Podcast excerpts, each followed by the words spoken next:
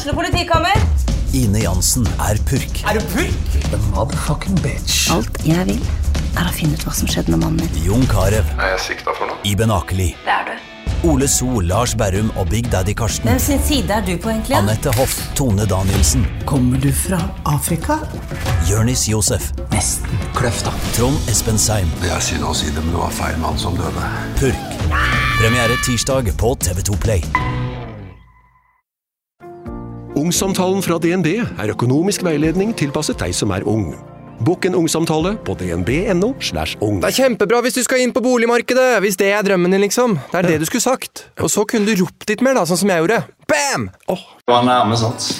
Ja, bare sånn Og så hvis du er sånn som Andrea, så kan du ikke puste inn i den mens Men puster hun ikke. Nei, Nei, jeg har bare det. lest på, jeg bare vært og lest på anmeldelser, Nei, og så står ja. det bare masse koselig, men også noen kritikk, og da tar vi det er det vi leser. Det er det vi Det er det vi får med oss. Hvor mange uh, hører og sånn har du? Er Nei, det vet vi ikke. Det vet vi ikke. Du vet ikke, er det Nei. liksom? Nei, det, det har jeg i hvert fall ikke kontroll på, om det er jente eller gutter. Men det er i hvert fall noen gutter òg. Ja, ja det er det. Mest jentefører. Ja. Ja, ja. Ok, nå starter vi.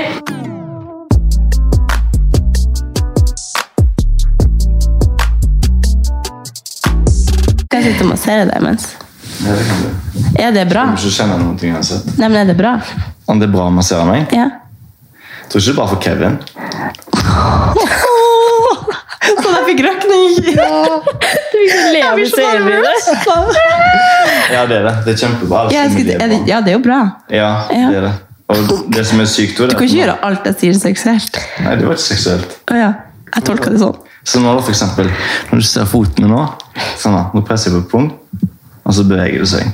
Ja. Og det er jo bra. Så det er bra, ja. Men det er jo Det er jo Ja. ja. Jeg kan introdusere med å si at jeg og du hadde nettopp en samtale hvor vi hadde en liten eh, date.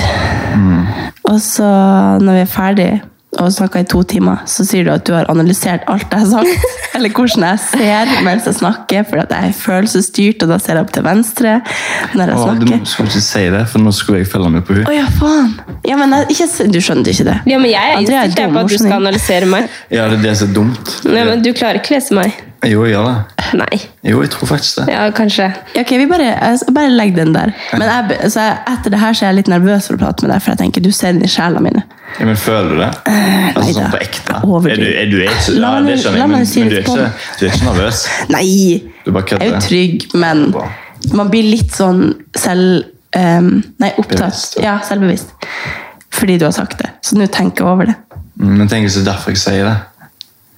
Ja. Men hva er det du leser, liksom? Klarer du å lese hvis folk er usikre, eller hvis folk eh, Hva er det du Altså, leser? skal jeg, altså, ok, du vet, Dere vet at jeg er en veldig cocky person. Mm. Når dere gir meg den, så blir jeg enda mer cocky, men jeg må roe meg selv litt ned. For jeg er ikke sånn at jeg klarer å lese alle som en åpen bok. det er jeg ikke. Men jeg, eh, jeg har jo satt meg veldig inn i det nå i det siste, fordi at det begynte med at det ble slutt mellom meg og dama. Og da ble jeg jo jævlig heartbroken. Eh, og da merker jeg at jeg er veldig åpen for altså, da, jeg, da leter jeg etter svar. Når du er så emosjonell og har det så jævlig, så vil du ha svar på ting. Og da hørte jeg på to bøker som heter How to get your ex back. det begynte der. Ja. Og det som var så kult med de bøkene, der, det var egentlig bare det gikk liksom inn litt i psykologien og hva som skjer, kjem- kjemisk i bla, bla, bla, Ja. Eh, og det igjen fikk meg inn på andre ting, sånn som for eksempel How to get beautiful woman in bed. og alt sånt. Yeah. Det, er bare sånn. eh, og det var superinteressant, og nå er jeg på to bøker som jeg sa til deg sist. Yeah. Nå hører jeg på de en gang til, for det er så mye jeg har gått glipp av. Og det er eh, Det er faktisk den How to get in i Beautiful woman to bed, den ene. Eh, og den andre er How to read people's mind. Det Var ikke den som var sånn How to manipulate people? Ja, det var en tidligere. How to manipulate anyone. Eh, og så var det en som eh, Hva var den igjen? Jo, Emotional Intelligent. Ja. Og How to blackmail et eller annet sånt. Men alt sånne der ting, sånn som How to get woman in bed eller How to get your ex back, alt sånt er jo interessant å lese. Selv om jeg har et mål om å få en eks tilbake, så er det jo interessant psykologi. Så jeg Ja. kunne også lest det. Ja, ja. Om, men du har kanskje et mål om å faktisk få det. Men, Ja, jeg, hadde, jeg, kunne, ja, jeg vil si at når jeg begynte å høre på de bøkene, så sånn, da var jeg jo, altså, jeg satt og grein. liksom. Første gang, altså, Fordi meg og hun bestemte oss for ikke å ha kontakt. Eh, og da Nei, det var den kvelden jeg fikk høre noe tøft, og da var det sånn at ok, nå vet jeg at jeg må ta avstand for å liksom hente meg inn. Eh, og den kvelden der, så kjørte jeg til Haugesund klokka fem, men jeg fikk ikke sove. Eh, for jeg hadde det så tøft. Og da hørte jeg på den How to Get Your Ex Back I lydbok, da. i lydboka Ja. i bilen, og da satt jeg og grein, og så sendte jeg sånn eh, video til kompisene mine. bare faen, det er fortalt liksom, hvordan jeg hadde det og sånt da. Ja. Når jeg blir så emosjonell, så er det sånn, da blir jeg veldig åpen. Ja. Og det tror jeg er en bra ting. Ja. Men det var når jeg sitter på dette, bare så er det sånn mm, Shit, da. Her var det mye følelser. Altså.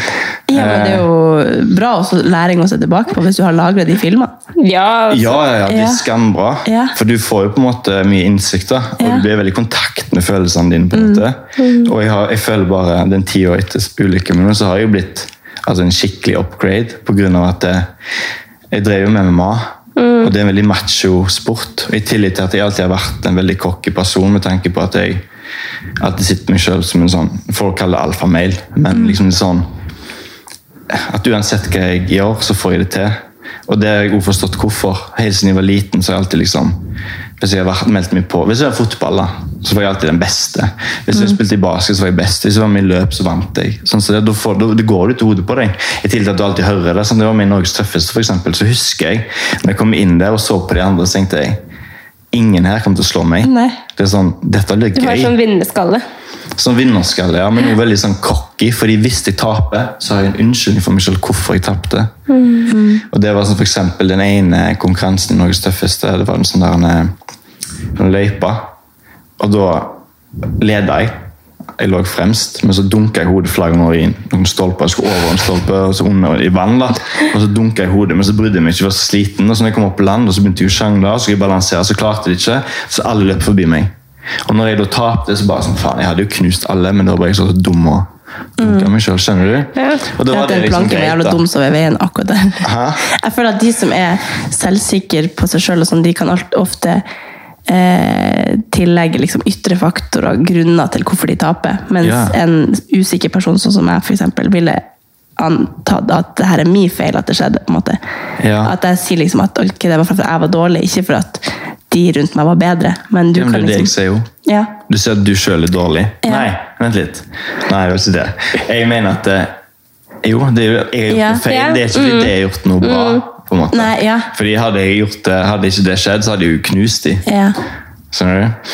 Uansett. Så det som er etter ulykken, så har jeg jo på en måte gått gjennom alle disse tingene. altså Alt fra når jeg var liten lite barn som løp rundt naken og løpte Superman, liksom. Altså, jeg husker Jeg har alltid vært sånn eh, Hva skal jeg si? Jeg har vært en sånn macho, da. Altså, jeg husker som sagt når jeg var rundt fire-fem år, at til og med den tida der så følte jeg meg liksom bedre enn de andre. Og, og det er ganske sjukt. Det er veldig sånn Jeg føler jo at ut ifra at jeg har vunnet så mye og fått så mye skryt, så har det blitt en sånn power-paradoks. da. At jeg føler, som jeg sier, at det er ikke, det er ikke andre som vinner, det er jeg som gjør en dårlig jobb. på en måte. Og det er det det er motsatt av det jeg sa, egentlig. Ja, det er egentlig det. Ja, men da, det, er bare, det er bare en teori jeg sjøl har hatt. Fordi at jeg, eller, for samboeren min er ganske lik deg, tror jeg. Ja. Han er også sånn cocky og mener liksom På en bra måte. Ja. At han liksom har veldig trua på seg sjøl og har veldig vinnerskalle og tenker liksom at dette klarer jeg uansett. Og Hvis han jogger tur, for eksempel, og noen jogger forbi han, så skal han ta dem. Men så er jeg sånn ok, bye. For, altså, Ja, ja, det jeg er ikke interessert. Nei. Nei. Men vi har bare helt forskjellig tankemåte. Og så har jeg tenkt sånn at når han hvis han da gjør noe dårlig, eller eh, noe skjer, eller hvis han skader seg, eller et eller annet, så er det liksom Det er ikke skade er en annen ting, men det er liksom aldri at han sjøl har gjort det dårlig, da. At da er det på en måte noe ut, utenom som er på en måte faktoren til hvorfor det skjedde. Ja. Mens jeg er sånn Ja, men det var for at jeg var dårlig. At det Er er liksom Hæ? Tenker du alltid det? Ja. Nei, ikke alltid. Det er jo Jo. Du òg? Nei, men hun gjør. Ja. Ja. Men er det, er det da en Men det er nok usikkerhet? sikkert ikke eh, overførbart til alt og alle. Nei. Men jeg har bare tenkt at det ofte er sånn at de som kanskje er selvsikre, de men det, er bare på, det er jo ikke på alt du gjør. Det er Nei jo spesiell spesielt trening, da, hvor Ja. du er ganske sånn kritisk til deg selv. Ja, men hvis det er eksempel en eh, La oss si en eksamen, da. Så det er en selvsikker person som gjør det dårlig. Så tenker han sånn denne prøven var ikke rettferdig, de har laga en feil eksamen, de har ikke brukt de tingene som det skulle være. Mens jeg tenker sånn faen, jeg kunne ingenting. Ah, sånn, ja. Skjønner? Skjønner. Det er det jeg mener. Men det er ikke i alle settinger, da. Men hvordan er du, da? Om det- Ehm, ja, åssen er jeg? Jeg tror nok at jeg, jeg er en god blanding, kanskje. At jeg tenker Jeg kan veldig ofte tenke at uh, hvis, jeg, hvis jeg har en vinnerskalle, da, hvis jeg tenker at det her er, nå, er jeg, nå er jeg på god vei, nå gjør jeg det bra, nå føler jeg meg bra, sånn, sånn, sånn, så føler jeg at da kan jeg få til liksom, veldig mye bra. Mm. så er det også mange ganger hvor jeg har et behov for å være litt mer avslappa, og da chiller jeg litt mer. Men jeg tenker nok aldri at liksom noe av det jeg gjør, er sånn dritdårlig, på en måte. Nei. Men vi må ta det tilbake til Ja. i bilen når du hørte på podkasten og begynte å gråte. Hva var det du skulle da? Da skulle jeg hjem hjem til og- Haugesund. Hente deg sånn, hvorfor, hvorfor var- det? Det var et eller annet med Harrier. Ja. Og så skulle jeg være med sønnen min. Mm. Men, eh, og når jeg kom hjem, så eh, Så husker jeg at mamma og Sikie de så meg komme inn, og de så at de var så ut som et vrak. Mm. Fikk jeg ikke sove fordi jeg var helt Mikrofonen. Fordi jeg var helt eh, Ja. Kjærlighetssorg og hadde det jævlig. Mm. Og da eh, sa jeg bare men jeg, jeg må bare legge meg ned. Jeg må sove jeg nå. For jeg har jo som sagt vært våken i fucking 24 timer. Og så ble de veldig bekymra. Og så fikk jeg eh, Subril og eh, sovemedisin. Og da bare ja, slukna jeg. da. Og da husker jeg at jeg satt og teksta til hun mens jeg var rusa, på en måte, på Subril. Og det er jo at du Hva er egentlig Subril? da? At du på en måte blir litt sånn flat. da. Ehm, Er ikke det en smertestillende? nei, eh, det er litt sånn Antidepressiva, eller? Ja. Å ja. Det Ja. er sånn som vi ga til gamlingene på sykehjemmet. Ja, for eksempel. Ja. Jeg trodde det var smertestillende, men det er kanskje for å, Ja, det det er for å liksom- sove. Nei, det er for, liksom, altså for du skal bli flat og ikke ha det helt jævlig. Oh, ja. Ja. Kanskje det funker annerledes på de som er dement og Jeg vet ikke. Ja, kanskje. kanskje jeg sa noe jeg ikke burde si. Vi bare kalte det sånn at de skulle sove. Nei, så eh, Ja. Jo, så husker jeg at jeg satt og teksta teksten min, da. Ja. Men jeg husker ikke hva jeg hadde sagt, for dagen etterpå så bare faen. Ja. Det er dette jeg har skrevet, liksom. Men, ja. men ja. Men vi må jo Nå har vi bare gått Ja, rett bare inn i materien. Jeg ble så stressa her. Jeg bare, okay, Vet, vet hvem vi har, folk hvem vi har på besøk, eller? Men vi kan jo, jeg vet ikke om Det er sikkert veldig mange som vet hvem du er. De som hører på denne podden vet jo navnet ditt når de går inn på det, mest sannsynlig. Med mindre de hører på vår podd og ikke vet det. Men um, vi har jo hatt en episode etter vi hadde den treningsøkta rett etter ulykka hadde skjedd. Så Ja, hadde, vi jo den, ja, mm. så hadde vi jo en livepod med Sikkie, som er søstera di. Så da gikk jo hun på en måte gjennom egentlig ganske mye av ulykka og hvem dere er. Og har du hørt på den? ja. Ja. Jeg hørte jo på han live, tror jeg. Ja, vi Ja, med deg deg Ja, live. stemmer. Mm. Du var på telefon hele veien. Ja, stemmer. Eh, og da gikk vi jo egentlig gjennom ganske mye eh, hva som har skjedd, og hvordan historien deres har vært. Men det er jo fra hennes synspunkt, da. Mm. Men eh, jeg vet ikke om vi burde starte litt med bare hvem du er. Ja. Mm, Sånn, ikke bortsett fra ulykka. Det er ikke der lenger. Nå skal du få introdusere meg. Ah, nei, nei, du må gjøre det. Hvem jeg er? Hvem faen er jeg, da? Geir Kåre. Andrea kan si det. Ja, hvem du er. Du kan si navnet ditt, og Hvem er jeg? Geir Kåre Nyland heter Ja. du. Ja. Og du er 31 år, kommer fra Haugesund. Ja. Ja. Og jeg flytta til Oslo for å satse på MMA. Det er Ja. derfor jeg flytta fire år siden. Er det ikke lenger siden? Nei. Det er sjukt. jeg trodde det var lenger. Ja, Og målet ditt Du skulle egentlig, før ulykka, så skulle du dra til Sverige og Flytte til. Sverige? Skulle du ikke det? Ja, jeg skulle pendle til Sverige. Jeg skulle liksom ha Ja. fight camps i Sverige. da, fordi at eh, ja, Jeg var ikke god nok oppfølging her i Oslo. Og jeg tapte en kamp nettopp, og da var jeg superemosjonell. Mhm. Ja. Så da, da måtte jeg finne en løsning på det, for jeg følte ikke at det var godt nok for meg her. Ja. Så skulle jeg liksom pendle til Stockholm, og så skulle jeg komme hjem til dama mi. Eksen min. Ja. Eh, ja, det var egentlig planen. Og så skulle jeg på en måte Da hadde jeg nettopp fått en kontrakt med en ganske bra organisasjon i Sverige, så liksom ting smilte. hvis skjønner. Det var mye bra som skjedde rundt den tida der. Men har du alltid trent kampsport? Ja, jeg begynte på judo da jeg var bitte liten. Og så gikk jeg over på kickboksing. Eh, og så går jeg på boksing. Så jeg har liksom trent alt mulig kampsport. Jeg har alltid elsket kampsport. Ja. Har du hatt et forbilde innenfor sporten? Hæ? Et forbilde Forbilde? innenfor sporten? Eller noen du liksom Ja, altså Deg sjøl? Ja, meg sjøl. Jeg likte sånn selv i speilet. Bare, fy faen. Ja. Nei, men, nei, men, Det vet men, vi. men det har jeg tenkt mye på det med forbilder. og sånt, og ja, Jeg har hatt mange forbilder oppover, liksom, men Ja. liksom, eh, kjente fightere som ingen her vet hvem er uansett, så jeg kan si masse navn, men liksom Try me. Eh, Fedor Milinenko, Nei. han var den første. Og så som George St. Pierre. Han det. UFC, du vet Ja. han er. Anderson Silva, og så gikk det opp på Conor McGregor og alle disse stjernene. da.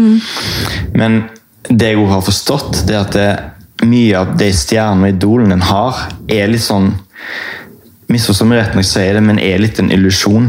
Ja. For du ser suksessen deres, og så vil du sammenligne med dem, for du vil ha det som de har, men du er ikke de. Så jeg skjønner jo på en måte at det kan være et forbilde at du vil være det, men som jeg har forstått i ettertid, så er det jo mitt største forbilde er mamma. Altså sånn, fordi at eh, det hun har vært gjennom er ekte for meg, og folk rundt meg. Eh, men ja. Så jeg har liksom ikke Jeg har aldri sammenligna meg med andre fightere, egentlig. Nei. Sånn og sånn vil de bli. Jeg har alltid liksom tenkt ok, jeg vil lære det de kan og bli god, men aldri liksom sånn jeg skal bli akkurat sånn som han. Nei. Og det tror jeg er en bra ting. For alle er forskjellige. forskjellige. Og så starta du et eget gym? Mm, og kjærlighetssorg. Nei. Vi kommer, vi, vi kommer inn på det. Ja. Jeg prøver bare å til å få kjent. folk til sagt det bli før meg og deg, så hadde Ja. jeg sittet med spørsmål. Ja, jeg, jeg jeg, hva er det jeg ikke har fått med meg? Men eh, Jeg starta mitt eget gym fordi at vi ikke hadde plass å trene i Haugesund. Vi trente på et sånt bomberom. liksom. Alle fikk ring om fordi at eh, kommunen bodde seg ikke med å vaske. Og vi gidder i hvert fall ikke å vaske, for vi tok jo ikke vi Er det det som heter staff infection? Staff infection. Ja. Ja. Eller da staff, og så har du sånn standard, og så har du ringorm. Å ja. men åpna du ikke Herjer før du flytta til Oslo? Jo. Jo. Så jeg åpna Det Når var der jeg ja. hoppa av nå. Ja. mm. Nei, altså, det er egentlig lang historie, det, da, men eh, jeg eh, åpna her egentlig for at vi skulle ha en plass å trene. Eh, og jeg tenkte ikke at den ideen skulle liksom, at jeg tjener penger på det, at det skulle bli noe stort. Eh, men eh, Ja, men så vokste jo som sagt ideen, for jeg så det var så mye Altså, Det var så mye oppmerksomhet rundt det. Plutselig hadde jeg nettopp hadde vunnet Norges tøffeste. Ja. Det var ikke nettopp. For Dette var i 2015, åpnet jeg, jeg vant Norges tøffeste 2013. Mm. Men jeg brukte liksom det som reklame, da. Skjønner du? Ja, ja. Eh, så ja, så egentlig startet jeg ikke hatt peiling på Jeg husker når jeg startet her, så var det sånn Hvordan starte et AS? Og så hadde nettopp DNB kommet ut med en bok. Hvordan starte AS? Og da var det sånn, ah, shit, Og nå er det sånn How to get beautiful women in bed. How to get beautiful neste. Ting har forandret seg from veldig, liksom. Så, men eh, ja, så da husker jeg den tida der. Å, fy faen, det var en tøff tid. Altså. For da var jeg fulltidspappa. Altså, Ja. Jeg var alenefar. Ja. Og så hadde jeg starta et treningssenter, og så eh, skulle jeg være idrettsutøver. Og alt er jo nesten fulltidsjobb. Ja, og spesielt med sånn vimsehode som meg.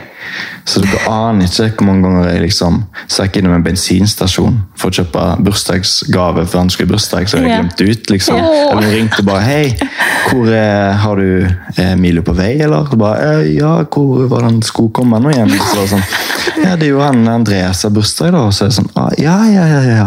Ja, vi er på vei, bare Og det gjennom telefonen til Andreas. Skjønner du? Så jeg hadde ingen kontroll. Nei. Jeg Men hvor meldinger. gammel var du når du fikk han? Jeg var 17 år. Ja, shit. Og grunnen til at jeg fikk han var fordi jeg forelska meg i blondiner på kampsportsenteret. Og så var datteren til treneren min så hun var blond og stor rumpe. Det var alt som skulle til. Og det var liksom sånn bom, bom, bom, bom, bom skjønner du? Og så ble det en kid, da. Eh, fy fader. Det er sykt å tenke på når vi snakker om det. Men eh, hvor var det vi var? Herjer. Herjer. Her, ja, ja. Eh, Hvor kommer navnet Herjer fra? Åh, det er jo en syk historie. Altså, Jeg har så mange historier, så jeg bare følger denne podden. Jeg kan bare, liksom. Ja, Men ok, jeg, så, jeg skal pakke den her så godt jeg kan, for jeg er veldig dårlig til å fortelle korte historier. Men her gjør jeg egentlig fordi at når jeg var liten, så vokste jeg opp med en tsjetsjener som heter Abu Edelbev. Og meg og han hadde en drøm om å starte et treningssenter når vi blir eldre. Det har jeg faktisk hørt. Har du hørt denne historien? Eh, og det er en ganske syk historie, det òg. Eh, men eh, og med, jeg husker han, som han var fra Tsjetsjenia, da skulle han bli god i bryting, og jeg drev jo med kickboksing.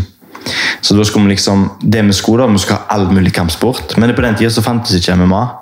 Nei, stemmer. Ja. Men vi ville bare liksom kunne alt. Så egentlig så planla vi et MMA-senter på barneskolen. Å, Må liksom ja, ja. bli, bli beste fighterne. Ja. sant? Eh, og Han sa til meg at han vil at det skal være ulv som logo, og jeg vil at det skal være viking siden jeg er norsk. Og Grunnen til at han vil ha en ulv, var fordi at Tsjetsjenia ble undertrykt av Russland.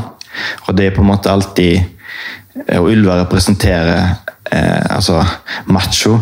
Altså De angriper selv om de vet at de taper, som Tsjetsjenia har gjort. De har aldri gitt seg mot Russland. Eh, og Det var veldig viktig for han at det var en ulv, og for meg så var det det med viking. sant? Vikinger er tøffe og alt det der der.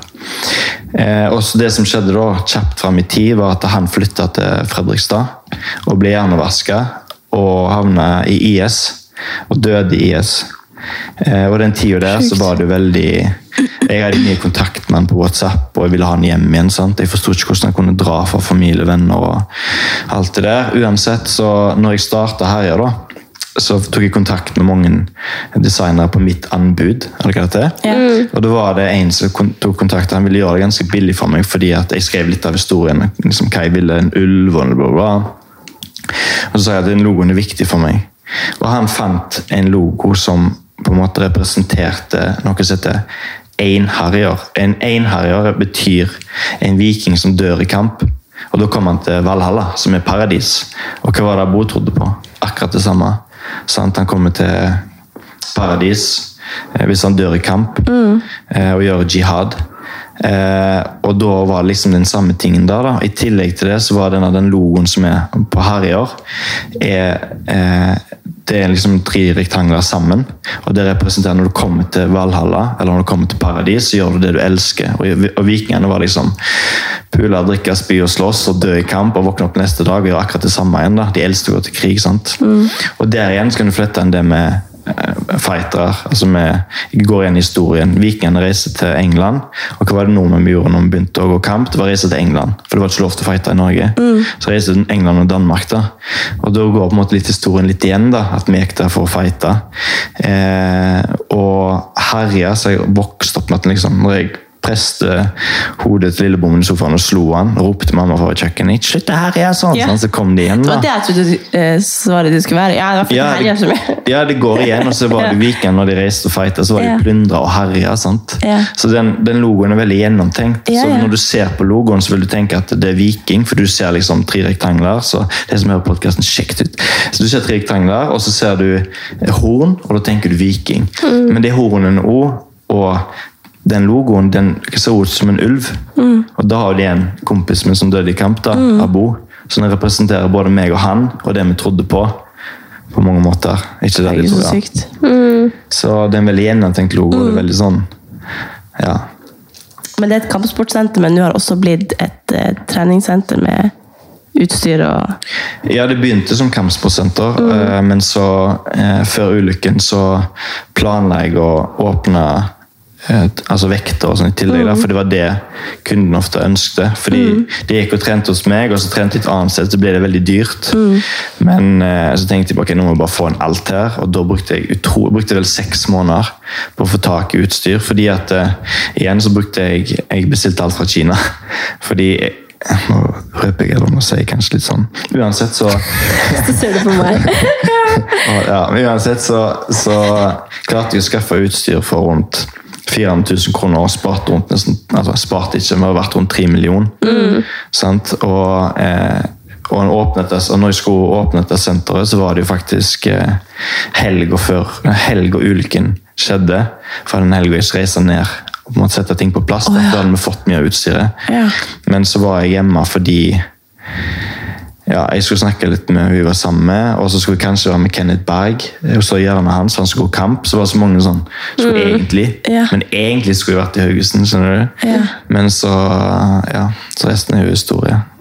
Men er det sånn som du liksom går tilbake til i ettertid og tenker sånn Faen, hvorfor gjorde jeg ikke det? Hvorfor gjorde jeg ikke det? Nei, ikke nå, men jeg gjorde det i starten. Ja. Da liksom var det sånn, altså Hvorfor stupte jeg? Altså sånn, Hvorfor gjorde jeg det? Hvorfor, altså, hvorfor var jeg ikke Hvorfor var jeg så idiot og gikk og bada når jeg egentlig skulle trene om en time? Jeg er jo supertidsoptimist, så, det, Ja. så liksom For men- sånne eh, tanker kommer man inn på bare man liksom eh, Ja, men så slår bare til. Ja, ja, så blir jeg sånn Faen, hvorfor åh, Er det mulig? Ja, og det er jo det mennesker er veldig flinke på. Ja. Mm. Sant? Å være etterpå, etterpå klok. Men i begynnelsen så var det litt sånt. Bare sånn. Men nå tenker jeg ikke sånn i det hele tatt. Nei. Jeg kan si alt skjer for en grunn, og alt det der, men jeg bare Det er ikke det. Nei, jeg vet ikke, men allikevel så liksom Men for de som ikke vet, da, kanskje vil ta bare kjapt hva som skjedde? Ja, skal jeg gå gjennom hele greia? Du kan gjøre det, det du sjøl ønsker. Ja. Jeg tror Eh, de fleste sikkert har uh, følger med på deg og vet en del, men ja. hvis det er noen som ikke har sett det Det er jo en sånn, en sånn litt sånn vakker, romantisk historie. Er det det? Syns du det? Ja, nå etterpå tenker Ja, jeg at det er egentlig det er det. Ja. Eh, men eh, ja Hvordan skal jeg se dette på en fin måte? Tenk, tenk, tenk. Ok, Så den dagen, da, eh, da var det jo en av de varme sommerdagene som var ute og bada og koste oss. Og så skulle vi på trening med Emil, kompisen min, og så innsatte Kenneth Elvegård. Og så tenkte jeg bare å ta en kjapp dukkert før vi skulle på trening. da. Som sagt, det var en time til trening, så jeg skjønte ikke hvordan jeg skulle få det til. Men, eh, men Og så dro vi mot eh, Munch brygge. Eh, og så husker jeg altså, jeg, slippe masse, jeg er veldig sånn på detaljer. og sånn, så, Uansett så står jeg der på brygga og tenker sånn, for jeg ser bort på Kenneth, for han nekter å bade. Og så tenker jeg, Hvis jeg hopper først, så kommer de andre etterpå. For du vet jo hvordan det er. Sant? Hvis du lager litt show, som jeg alltid gjør, så blir Du skal ikke være sist uti, du heller. Så det, Nei, altså jeg er alltid først. Sånn Ja, alltid vært, sant? Men så ser jeg bort på Nora, som er kjæresten til Abbas, som er venninna. da. Som hun var der, så meg, Nora, Abbas og Kenneth og en som Ahmad.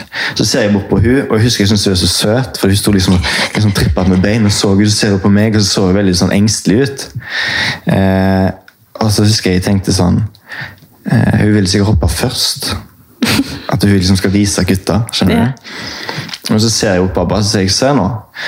Og det, Grunnen til at jeg stupte sånn som jeg gjorde, var fordi at jeg var redd for å stupe sånt. Militærstup. Det synes jeg er så, det er litt ekkelt, fordi du, du tar jo armene på sida, det er ingenting foran hodet ditt. så det er Du er så sårbar, da. på en måte, Ja, ja. sånn følelse. Men det, tenkte du det liksom før du Ja. før du, du tenkte det? Jeg tenkte det før jeg stupte, fordi at jeg nettopp begynte å stupe militærstup. For jeg synes det var ekkelt. For jeg har alltid vært sånn at jeg, jeg vil ikke at ting skal være skummelt eller ekkelt. Hvis det er det, så må jeg gjøre det. Og det var en av grunnene til at jeg Ja. stupte sånt. Og det var litt høyt, så jeg tenkte bare ok, nå skal for det var ganske høyt ned til vannet, var ikke det? Ja, jeg, jeg, vet ikke. To meter, kan man Ja. si. ja, det var ikke sånn bare ut på brygga, liksom. Nei. Nei. Og så sier jeg til Abba se nå. Og så tar jeg hendene på sida, og så stuper jeg. Mm. Og så blir alt helt kvitt. Og så var jeg inni hodet mitt, og dette høres veldig rart ut, men det var sånn jeg opplevde det. Og så var jeg inni hodet mitt og snakket med meg selv og bare sånn Shit, jeg er død, jeg. Jeg forsto at jeg var død. Eh, og det var deilig å være død. Det var en deilig følelse. Det var akkurat sånn Jeg var, jeg var fylt med kjærlighet. Jeg var omringa av lykkerus eller et eller annet. Og jeg snakket til meg sjøl. Jeg så ikke kroppen min, det var liksom bare alt var hvitt rundt meg. Og så var det én følelse som jeg kjente litt på, og det var det at jeg hadde noe uoppgjort. Og det var at jeg ikke hadde sagt til hun jeg var sammen med, at jeg elsket henne. I dette hvite rommet, eller hvor det var, så var det liksom den ene tingen som på en måte var bad.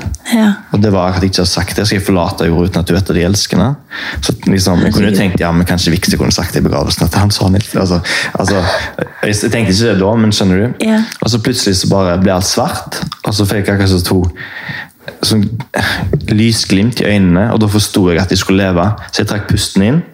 Det som skjedde da, var at jeg svelgte masse vann. Og da forsto jeg når jeg kommer meg opp av vannet.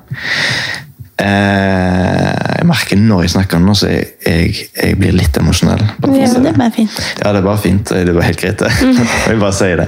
Og du må heller ikke fortelle hvis du ikke Jo, men det går fint. Jeg, eh, har ikke noe problem for å ta denne historien tusen ganger. Men eh, eh, Og så svelger jeg vann, og da forsto jeg at nå skal jeg leve.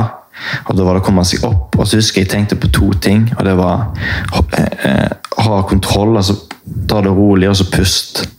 Ikke få panikk. Så så jeg, for jeg er veldig visuell. så jeg Mm. Men du kjente at du var litt sånn redd? Nei, ikke redd, men at ting ikke var noe som ikke stemte. Jeg Ja. skjønte ikke hva det var. Og så når jeg da begynte å svømme, så var det så jævlig tungt.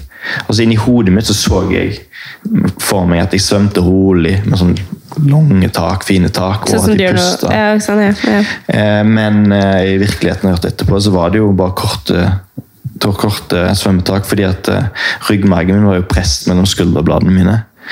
Eh, så jeg klarte ikke å strekke ut armene. Eh, og når jeg svømte inn mot land så ble jeg veldig, hadde, hadde utrolig vondt. Det var sånn nervesmerter, og det er liksom det verste jeg har kjent på hele mitt liv. Jeg har kjent mye smerte, men nervesmerter er det verste. Eh, og så husker jeg når jeg lukket igjen øynene, så kunne jeg nesten se smerten. Akkurat sånn lyn som bare pulserte i øynene mine. Eh, kom inn til land, eh, så hørte jeg at Kenneth ropte 'hopp uti, for faen' til Ahmad. Han hoppet uti, og dette er litt komisk, men så husker jeg et bilde han hoppet uti. for han han Ahmad har vel ikke bada. Det, det visste jeg. sant? Og så hoppa han uti. Så ser jeg han over med, med hvite sokker, og så er han liksom litt bekymra i ansiktet. Så, så, så rar. Så jeg husker det bildet, det bildet har liksom printa seg fast i, ansikt, altså, i hodet mitt. fordi at det, bare, det var så morsomt å han hoppe. da. Han ville faen ikke hoppe. Var jævlig kaldt det vannet. da. liksom. Eh, og han hoppet ut etter meg. jeg og så husker jeg han satt, han satt meg på fanget sitt. Mm. og jeg sier til han, for jeg klarte ikke å puste, så jeg sa til han sånn sånn dere snakket. Det var så grunn til at han kunne stå. Hæ? Det var så grunn til at han kunne stå. Nei, han holdt, han var liksom, han hadde plassert beina sine på en eller annen stige. Ja, okay. En badestige på badeplassen. Eh, grunnen til at jeg sier det, fordi at jeg er i sak mot kommunen nå. Eh, og så husker jeg at han liksom Han trøsta meg litt, fordi jeg sa sånn at jeg kjenner ikke beina mine. Og så sa han sånn, det, går bra, så tørka han meg liksom Han liksom strøk meg på hodet eh, og tørka meg i ansiktet. Og sa men det er fordi at det er så kaldt. Og du husker jeg syntes han var så søt. fordi at eh, jeg vet hva kaldt vann er. Jeg svømmer under isen, liksom. Så jeg vet at det er ikke derfor. Men tenkte du da at det kunne være at du hadde blitt lam allerede da? Nei, fordi at eh, jeg klarte ikke å tenke sånn klart, fordi at eh, det føltes ut som alt var en film. Det var så uvirkelig. For en annen ting som skjedde, var jo at jeg faktisk jeg splitta hodeskallen min. Så jeg må jo liksom ha vært litt sånn i svime og i tåka. Så husker jeg jo at det, det gjorde så vondt at jeg besvimte. Men så tenkte jeg det blir deilig å besvime fordi jeg har så vondt. Men eh, det var ikke, jeg holdt ikke på å besvime, det var at vi fikk så mye blod i ansiktet. Så han tørka vekk blodet, og bare sånn, faen, det, det var ikke, jeg skulle ikke besvime, det var bare blod, liksom. Eh, kjapt fram så hørte jeg eh, sirener, og så hørte jeg mye snakk opp forbi på brygga. Jeg så jo ingenting. Og så husker jeg de ba meg om å klatre i stigen, og da kom egoet mitt inn. sant? Så skulle jeg klare å klatre den jævla stigen, men så klarte jeg det ikke, for det gjorde så jævla vondt. Og da begynte jeg bare å tenke altså smerte, det, det, er bare, det, er bare en, det er bare en følelse. Jeg klarer å komme forbi den smerten. Og så husker jeg jeg dro meg opp, men så var det ingen power i armene mine, og det irriterte meg. sånn, faen, ta meg sammen, sånn. Eh, og så husker jeg de dalt ned, heiv ned et tau, så tok jeg det rundt armene, så prøvde de å dra meg opp. Trodde jeg. Jeg vet ikke, jeg festet meg, jeg vet ikke. Og Da prøvde jeg å klatre mens jeg hadde tau under armene, men det gikk heller ikke. Så sa jeg til jeg klarer ikke. Jeg klarer ikke å klatre. Og så hoppet en brannmann uti, så meg i øynene, og, bare, og da, da klarte jeg å holde roen, fordi jeg så at han hadde kontroll. liksom.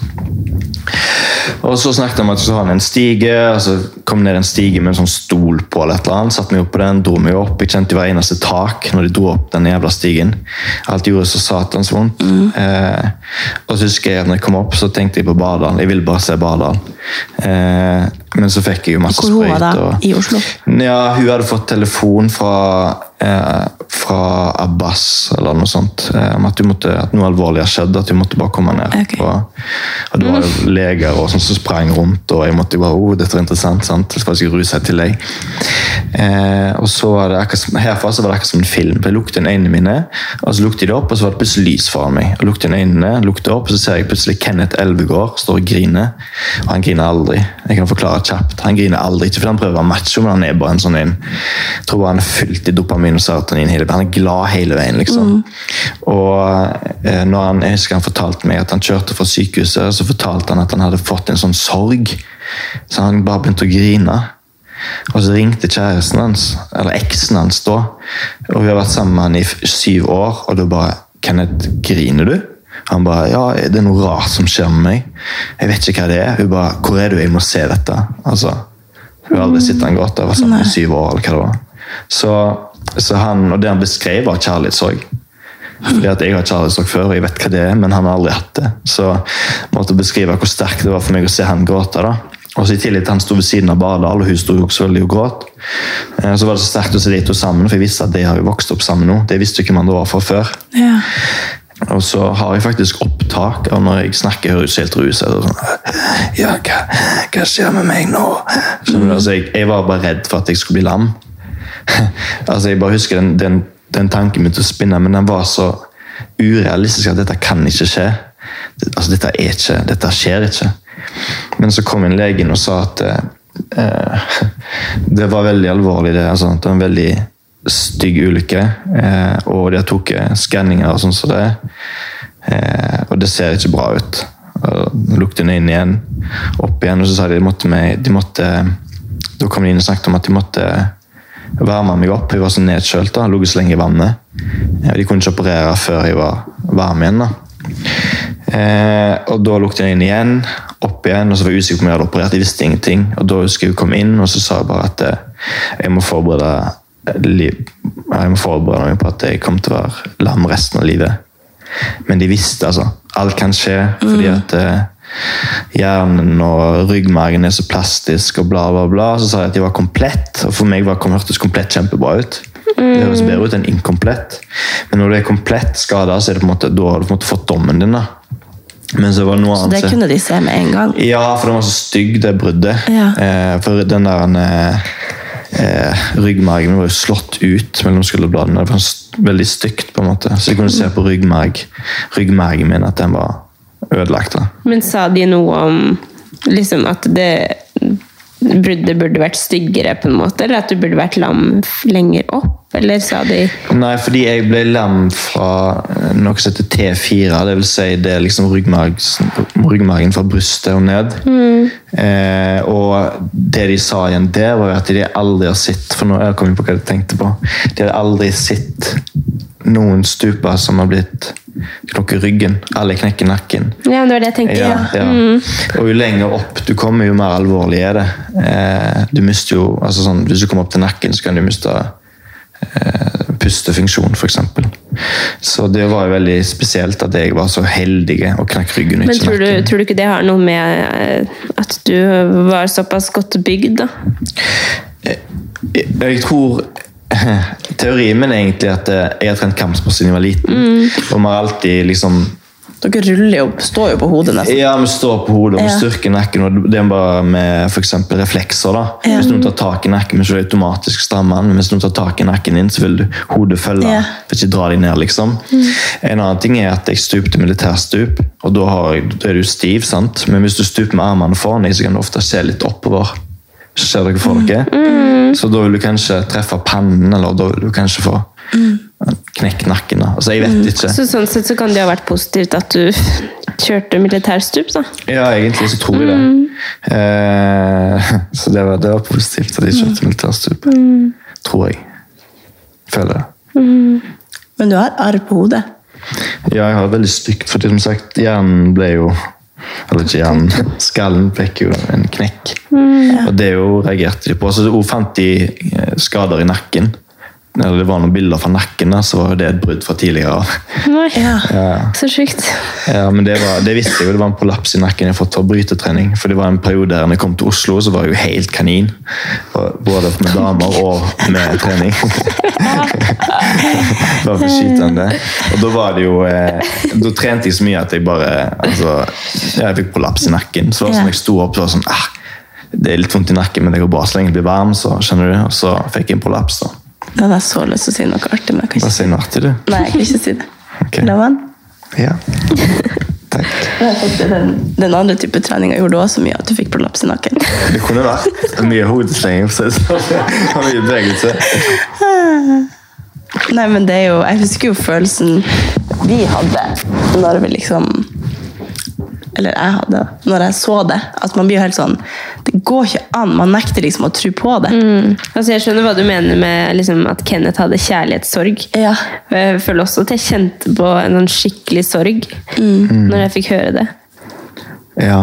Så det er ganske Men er det fordi at eh, jeg Dere har sett at jeg har vært en sånn person som på en måte er oppe på hendene, eller at jeg har hatt så mye energi og liksom alltid Ja. bevegelse. For når, jeg, sånn som jeg opplevde det, som mange har fortalt meg, at det, eh, at det har vært så tøft med meg fordi at eh, de ser at livet mitt har vært bevegelse. Ja. på en måte.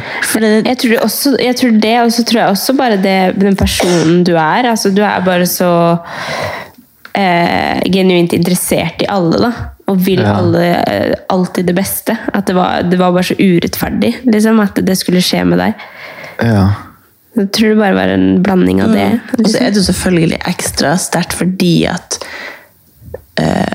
Det var jo sånn som vi snakka om i poden med Sikio, at eh, det er en ting hvis det er liksom en person som ikke bruker kroppen til vanlig. Ikke at de fortjener det mer, men Nei, nei, det bare ble så veldig urettferdig fordi det er livet ditt, sånn, Mm. sånn utad for oss, at du bruker kroppen din. Mm. At det bare Da blir det bare sånn Ok, hva skjer nå, egentlig? Mm. At det blir bare så, det blir bare så sterkt at du bare Ja. Hadde det vært Ukens annonsør er Hello Fresh, og Hello Fresh er verdensledende matkastleverandør. Oi, vent, magen min rumler. Oi. Jeg blir så sulten av.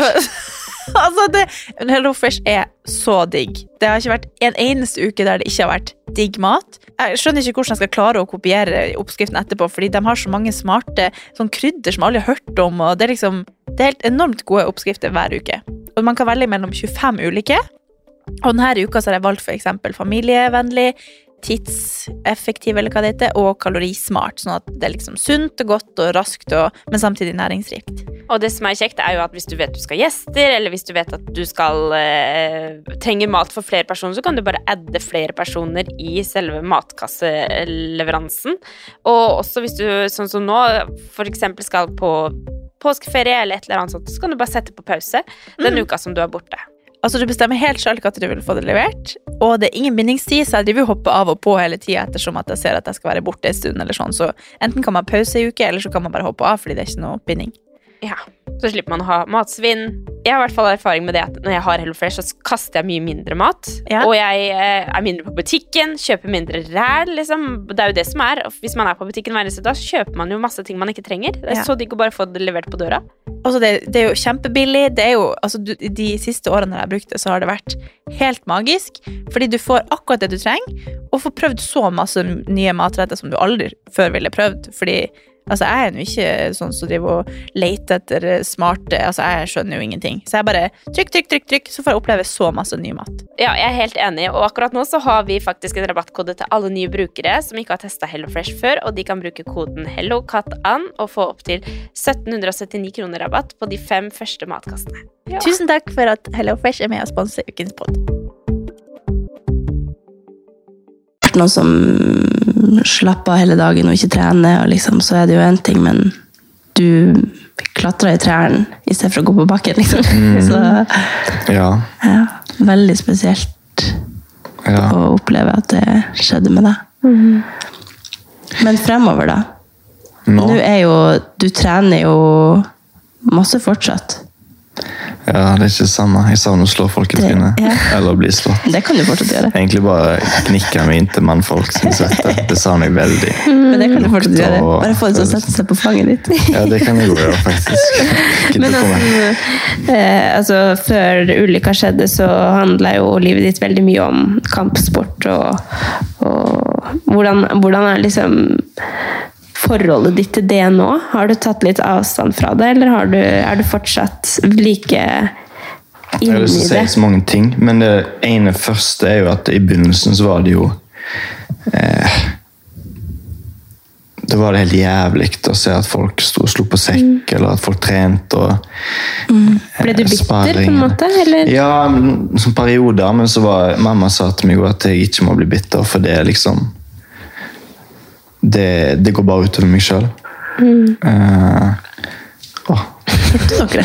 det var deilig lyd.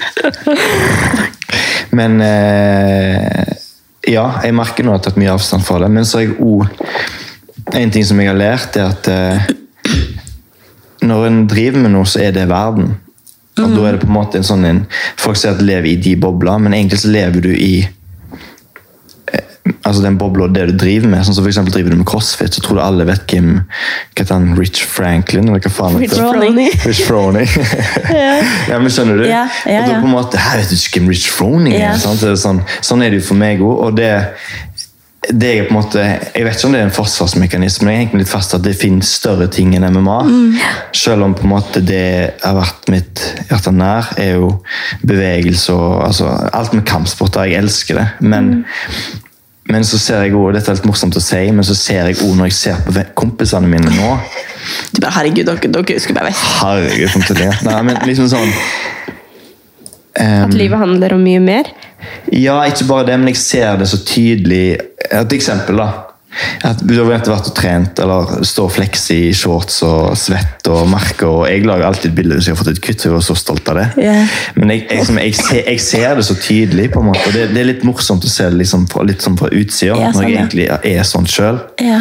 Eh, men så er det som du sier, det er, det er noe større der ute enn på en måte bare, bare hobbyen din. Mm, men det er, jo, det er jo på en måte det man, man er oppi, da, som ofte det, jo, det gjelder jo alt i livet. På en måte Mm. Det man er oppi, er det som gjelder. Da. Så, Ja, ja. Og sånn som når man er oppi, oppi det og satser på MMA eller kampsport eller whatsoever, så er det jo det som betyr mest, ikke sant? Mm. Men Ja, det skjønner jeg. for det, sånn var det jo for meg òg. Sånn er det jo. Jeg er sikker på Hadde jeg kunnet gått igjen i morgen, så hadde det nok vært det samme. Hadde jeg gått godt MMA igjen. Men jeg tror jeg hadde gjort på en litt annen måte. Fordi at eh, Jeg vet ikke. eh, Jeg tror det er mye forsvarsmekanisme om at jeg på en måte finner glede i andre ting. Og så har jeg den ADHD-en min, så jeg må jo få utløp for, altså for noe. Eh, og da er det jo Å trene nå, det er ikke det samme. Det å ta dips og beina bare henger og dingler, det er så fucka. Det er så selv om jeg får den der litt den serotoninrusen etter trening, altså det er liksom bare Det er ikke det samme. Det kan ikke måles, selv om jeg gjør det for å se bra ut, for da drar jeg jo babe. sant? Har jo fått Tinder nå. Men det, er det derfor du trener? Nei, det er ikke derfor. Grunnen til at jeg trener er fordi at jeg eh, vil at kroppen min skal være optimal. Ja. Og det er det jeg tenker, Hvis kroppen min skal helbrede seg selv, så må han være optimal. Men Ja. ikke med Coco Puffs og melk. Oh, det er skjønner litt hva jeg godt vet det, derfor.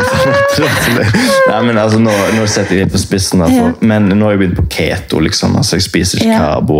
Jeg nerder så mye. Jeg har gått inn på biohacking. og Mm. altså, Jeg har kontakta så mange rare folk rundt i hele verden. Sendt mail både her og der. Og det gjorde jeg jo når jeg lå på Sunnaas, så jeg måtte ha svar på alt. sant? Mm.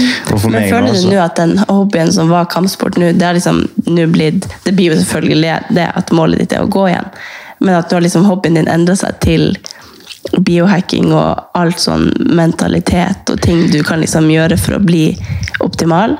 Ja, At altså, det er liksom blir de boblene. Nei, altså nå har jeg ikke så mange hobbyer, føler jeg. For nå, nå er det det som blir bøkene. at Get Your Ex Back og Women in Bed. yeah. og sånn, så det er jo en hobby.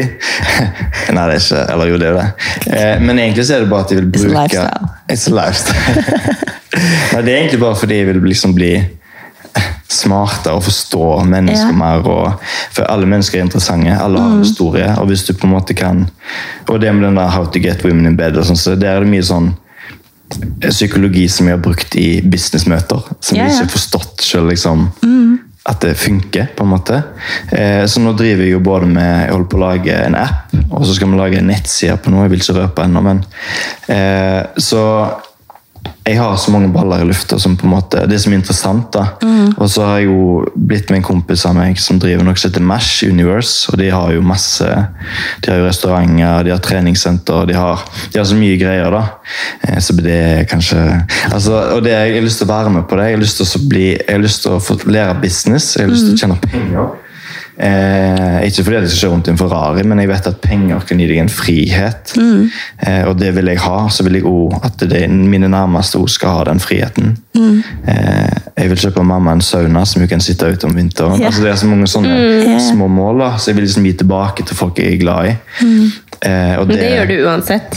Ja, det gjør jeg uansett, men jeg vet også at jeg har Jeg vet at jeg Penger gjør det lettere. Penger gjør ting lettere, fordi jeg har vokst opp eh, med at familien har lite penger. Selv om jeg aldri har følt på det, så har jeg forstått når jeg er blitt eldre. Ja, ja. Altså. Mamma sa aldri til oss når vi var små. at for eksempel, sa, jeg vil ha Nintendo 64, så sa ikke hun ikke råd til. Hun sa bare ja, men da må vi spare. Ja. Mm. Og det har vært en kjempebra ting. da, men, men jeg vet ikke, jeg har bare litt lyst til å tjene penger fordi den dagen jeg er oppe og går igjen nå, eh, for det kommer til å skje, så vil jeg ha en frihet. Ikke at jeg må stå opp klokka ni og være på jobb til klokka fem.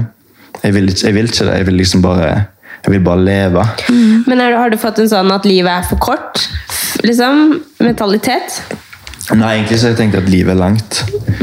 Eh, jeg tror at livet er kort hvis du har et kjedelig liv. Jeg tror livet er langt hvis du har et, eh, du har et eh, innholdsrikt liv. Og en måte å forklare det på, som jeg har tenkt mye på er at eh, hvis du står opp en dag og så legger deg i sofaen og spiller Candy Crush på mobilen og ser på Netflix, og så sender du et par mailer og så legger du deg igjen, så har ikke det vært en sånn Hva gjorde du i går? Mm, ja, du husker liksom den dagen som det var lite du gjorde. Ja. Men hvis du da står opp en dag, sender de jævla mailene, går på trening, går på en lunsj med GK og snakker om psykologi, Ja. og så er du på et eller annet møte, og bla, bla, bla, så tenker du en uke bare fy faen, jeg fikk gjort mye. Og så skjønner du hva jeg mener da. Og det er på en måte, jeg tror, sånn er livet. Jeg tror at eh, livet er kort hvis du har et kjedelig liv. Og hvis du da føler på at du som hører dette her, så tenker bare at kanskje skal forandre litt på det livet ditt. da. For du, er jo- du er jo ansvarlig på hvordan livet ditt skal være. Og det er veldig sånn, For meg nå, da, som er i den jævla stolen, så er det egentlig den følelsen jeg har, at livet er jævlig langt. Det er flere kapitler. på en måte. Men føler du Eh, at alt det her er noe ulykka lærte deg? Som du er liksom glad for? sånn sett at Ja, som jeg forklarte det til deg, at jeg har fått mer oversikt. Og det er fordi at jeg alltid levde et fast life, som jeg kalte det. Mye pga. ADHD-en. Og når jeg, sånn som Emil sa til meg, at etter treningene så må du hjem og slappe av, for vi skal inn til trening senere. Så kom jeg hjem, satte meg i sofaen, jeg stekket på mobilen, og så bare sånn, blitt nettopp venn med noen på Instagram. Så bare Oi, det er i parken. Eh, kan jeg joine dere? Som ikke kjente Ja, ja. personen. Og det er en grunn til at jeg har stort nettverk òg, fordi jeg har liksom bare trengt meg på. Ja. altså, men jeg klarte aldri å sitte i ro. Eh, så han kjøpte jo til Husker han, han kjøpte til Han kjøpte, bare for å spore på noe annet, først til eh, Pornhub sånn premium. Fordi at han mente at de var Emil kjøpte det til deg? Han kjøpte det til jul til meg fordi at jeg Fordi at, fordi at jeg klarte Det ønsker jeg altså. Andrea. Ja, Han kjøpte det fordi han mente at jeg av og til kom litt sent på trening. Det var fordi at jeg sant, rett hjem, slappe av, kanskje en Tinder-match. Ja. Skjønner du? Kanin, hjem, trening. altså, Skjønner du? Så jeg liksom, jeg hadde veldig sånn fast life. da. Eh, Så han mente at Pornhub var bedre, for da ble du jeg tidspunkt tenkte at hvis du bare tar en runk, Ja. og så kan du slappe av sant? istedenfor å liksom chase chicks og alt det der. Ja, ja. Eh, eh, men jeg brukte aldri på eh, premium, faktisk. Nei, jeg vet ikke hva det, Det er var de pengene. Det var de pengene, faktisk. Så jeg brukte Tinder. Det var liksom, det var kjekkere. Du runka til Tinder? Nei, jeg runka ikke til Tinder, men jeg måtte liksom Jeg du skal inn på jeg på detaljer hvis du vil det. Nei, det Men uansett, så, så spurte vi av. Hva var det vi var? Hvor var det jeg var? Nei, denne sporinga det er greit, det. er altså, jeg spurte jo om livet var for kort. Eller Ja. sånn. Men Jo, Fast Life. Det var det bra var på. Og det er at eh, Vi havna i Pornhub og klarte ikke å komme oss tilbake. Så Fast Life, som så forklarte det til deg Jeg liker liksom å for se ting. du for sa meg det så ting. bra, at du har på en måte eh, skyndte deg gjennom livet for at du, skal, du har så mye energi, og så ble du på en måte bremsa litt. Ja, og det var det som skjedde med ulykken. Det bremsa meg. Så så for meg at du sitter, eller Jeg pleier alltid å lage bilder, jeg er veldig visuell, så jeg så for meg måtte forklare det for meg selv. Jeg sitter i en bil, så kjører jeg 200, jeg ser ut vinduet, og kjører forbi naturen. Jeg ser at det trær, kanskje jeg ser en fugl. Men nå nå er plutselig livet mitt i 30 km i timen. Når jeg ser ut vinduet nå, så ser jeg trærne, jeg ser kanskje hva fugl, jeg ser blomstene. altså skjønner du? Så jeg har på en måte fått mer oversikt over livet mitt. Veldig bra det er helt sykt. Ja, metafor, det er alltid det ordet jeg glemmer. Oh, ja. Men ja. Nei, jeg bare Men tror du, tror du at det, grunnen til at du har hatt det sånn så fast life tidligere, er- det er jo selvfølgelig på grunn av at du har mye energi, men tror du også det er fordi at du har hatt en uro inni det? Jeg tror det er fordi at jeg eh, har en uro inni meg, ja, men òg en sånn form for stimuli. For Du blir avhengig av på en måte å få flere, mer og mer stimuli, og spesielt skylda på ADHD, for det er jo mye personlighet. òg. Det lærte jeg jo av hun jeg var sammen med, for hun var psykolog. Så lærte hun at det, det er ikke bare ADHD, det er personligheten din. liksom. Det er Jeg husker vi var en gang i Tøyenparken og trente, og så bare kom du bort i fem minutter, og så måtte du gå igjen. Ja, det sa du det. ja, Det var liksom fordi skolen og annet annet i tillegg, så måtte Ja, bare stikke Du måtte innom bare si hei, altså. måtte bare si hei. Men, det- og... men det er så rart, for jeg husker at jeg har vært sånn selv, men ikke, ikke sånn i nærheten av hvordan du har vært, men mer sånn Jeg husker at jeg alltid, hvis jeg var ferdig på jobb klokka åtte, da, så ble jeg stressa, for da måtte jeg ha planer etter jeg var ferdig. For det måtte liksom alltid skje noe. da. For meg så var det liksom pain å dra hjem og slappe av og ikke gjøre noe. Da, jeg må i hvert fall gjøre noe fram til ti, liksom, for det er jo Ja. da man skal hjem og legge seg. Så Men eh, Det er en form for stimuli, tror jeg. Og så tror jeg at når jeg altså, altså, Jeg kan gå i dybden i mange ting, men det er egentlig fordi at jeg har kommet til Oslo. Og Oslo er stort for meg. Altså, Jeg kommer fra Haugesund. Mm. det, du kjenner alle, og alle vet hvem alle er, og du, alle vet hva du har gjort før du har gjort det. Og, og så kom jeg til Oslo var nøytral. Og jeg har følt jeg kunne vokse på så mye. og Her var det så mange muligheter, og jeg ville liksom gripe alle mulighetene. Eh, så Mye pga. det så tror jeg at oppveksten min har gjort at jeg har hatt mye sånn hatt mye sånn dårlig samvittighet for ikke å hjelpe folk. og familien, altså Hele familien var rundt i, altså i Haugesund, alle bor i Haugesund. Eh, og når jeg på en måte endelig flytta til Oslo, da, så var jeg på en måte fri. Da var det ingen som kunne be meg om å gjøre det. eller, og Hvis jeg ikke gjorde det, så gikk jeg rundt med dårlig samvittighet. Så jeg tror alt henger sånn sammen der. Eh, så i, i løpet av livet mitt så er det disse fire årene jeg på en måte har følt meg veldig fri. da i forhold til tidligere. Og det er jo ikke lenge. Fire år. Jeg er 31 år nå, liksom. Så jeg tror nok det er jo en ting. Men så liker jeg å beskrive det sånt, med en sånn metafor. Jeg liker det ordet der, for jeg glemmer det alltid. jo. Men det at jeg, du vet, livet mitt har vært veldig sånn berg-og-dal-bane. Og med jeg sjøl er berg-og-dal-bane. Følelsene mine er berg-og-dal-bane. Når jeg er glad, så er jeg jævlig glad. Når jeg er lei meg, så er liksom, da er verden, da er livet over. Eh, og sånn er følelsene mine. Opp og ned, berg-og-dal-bane. Men sånn er livet mitt òg. Jeg må liksom hele veien ha stimuli. Jeg må være der, jeg må være her, jeg må få gjort tusen ting i løpet av en dag. Men så elsker jeg jo berg-og-dal-bane. Det er jo så gøy. Det er dritgøy å av berg-og-dal-bane. Så sånn er på en måte jeg, da. Eh, og det har vært veldig utfordring nå når jeg er i stol, fordi at da får jeg ikke samme, samme fart. Så når vi bruker hjernen tenker Det er jo ganske eh, interessant egentlig at du har liksom Ikke interessant, det er jo ikke noe kult, men at du liksom Nå er du lam og sitter i rullestol med ADHD. Eller sånn, Det er jo ganske jævlig. mot, ja, Det er helt det, jævlig. at det er jo en ekstra faktor som faktisk er ekstra utfordrende, sikkert. Ja, ja, jeg er så utålmodig, så har jeg blitt så tålmodig. Og det er liksom Men tror du ikke det har vært bra for deg å bli tålmodig? Jo, men det beste som har skjedd meg, er egoknekken. For jeg har hatt så jævlig mye ego. altså, jeg har... Men det er jo, du har jo hatt det på Ja, en bra måte. Ja, Ja, men, ja, som dere kjenner, er ja. Men jeg, som jeg har sagt, jeg, har jo ganske mange mørke sider. Ja, de har aldri alle- sett. Hæ? De har aldri Nei, sett. men jeg husker for eksempel, meg og deg hadde en samtale i Andrea, vi hadde en samtale i bussen. Og da snakket vi litt om damer. Og det var sånn kjærlighet, og vi var sammen. Det var vanskelig for meg. Og, fordi Og den husker jeg veldig godt fordi du var litt sjokk av at jeg sa at jeg var, hadde vært kanin. Og det var ikke Du hadde sett for deg det, for du så bare for meg den snille GK. Men jeg har vært en, som jeg sa til deg òg, altså Ja. det er mørke siden som jeg ikke tør å si engang. Eh, ja. Fordi du jobber med å skrive ei bok, var det det du sa? Ja, boka begynte egentlig med at jeg måtte skrive ned følelsene mine, fordi at jeg ville forstå dem, og så ville jeg også kunne se tilbake igjen. Yeah. Men nå er, jeg, altså, nå er jeg på en drøm som blir sånn supererotisk, så jeg sendte den til venninna mi bare, men er jeg fucka, eller er For det jeg mente, at i denne boka så må du skrive alt, og du bare Nei, nei, nei, nei, nei. du kan ikke skrive alt der. Ja, men nå har jeg faktisk begynt å gjøre det. Har du gjort det? Ja, jeg har begynt Det blir å sånn gjøre det. erotisk Jeg ga deg et godt tips. Ja, altså, veldig. Ga ikke deg et godt tips? Funka det? Hæ? Det jeg sa om at du kan jo bare snu litt på Snu litt på det, ja. Ja. Fordi at det er jo igjen, Hvis jeg forteller om hvem personene er, sånn, Ja, så tror jeg nok jeg hadde fått mange fin der. Du, det her gjør jeg ofte hvis jeg har liksom noe jeg vil snakke med samboeren min om, som jeg synes er kleint å snakke om. Eller det er vanskelig liksom, ta, sånn, du, nå må vi snakke om dette. Så bruker jeg bare si sånn «Herregud, En venninne sa at hun og kjæresten har det sånn og sånn og sånn. Hva du tenker om det, egentlig? Eller sånn, Ja, ja. liksom inn på det sånn. Ja, ja. Ja, altså, det er egentlig jeg som føler på dette, men jeg bare tilegner det noen andre, sånn at det er lettere å snakke om. For da blir det ikke sånn, ja. Men på den måten kan man også, hvis man skal fortelle historier, da, så kan man bare snu litt på det, så krenker man ikke noen, eller Ja, men det er det jeg er så dårlig på. Ja. Fordi jeg er jo sånn, jeg bare skyter ut, og så kommer jeg hjem og så har jeg angst etterpå. Hva faen var jeg sa? Ja. men det er angst har jeg slutta med for lenge siden, egentlig. For Ja. jeg bare innså at sånn er jeg. Ja.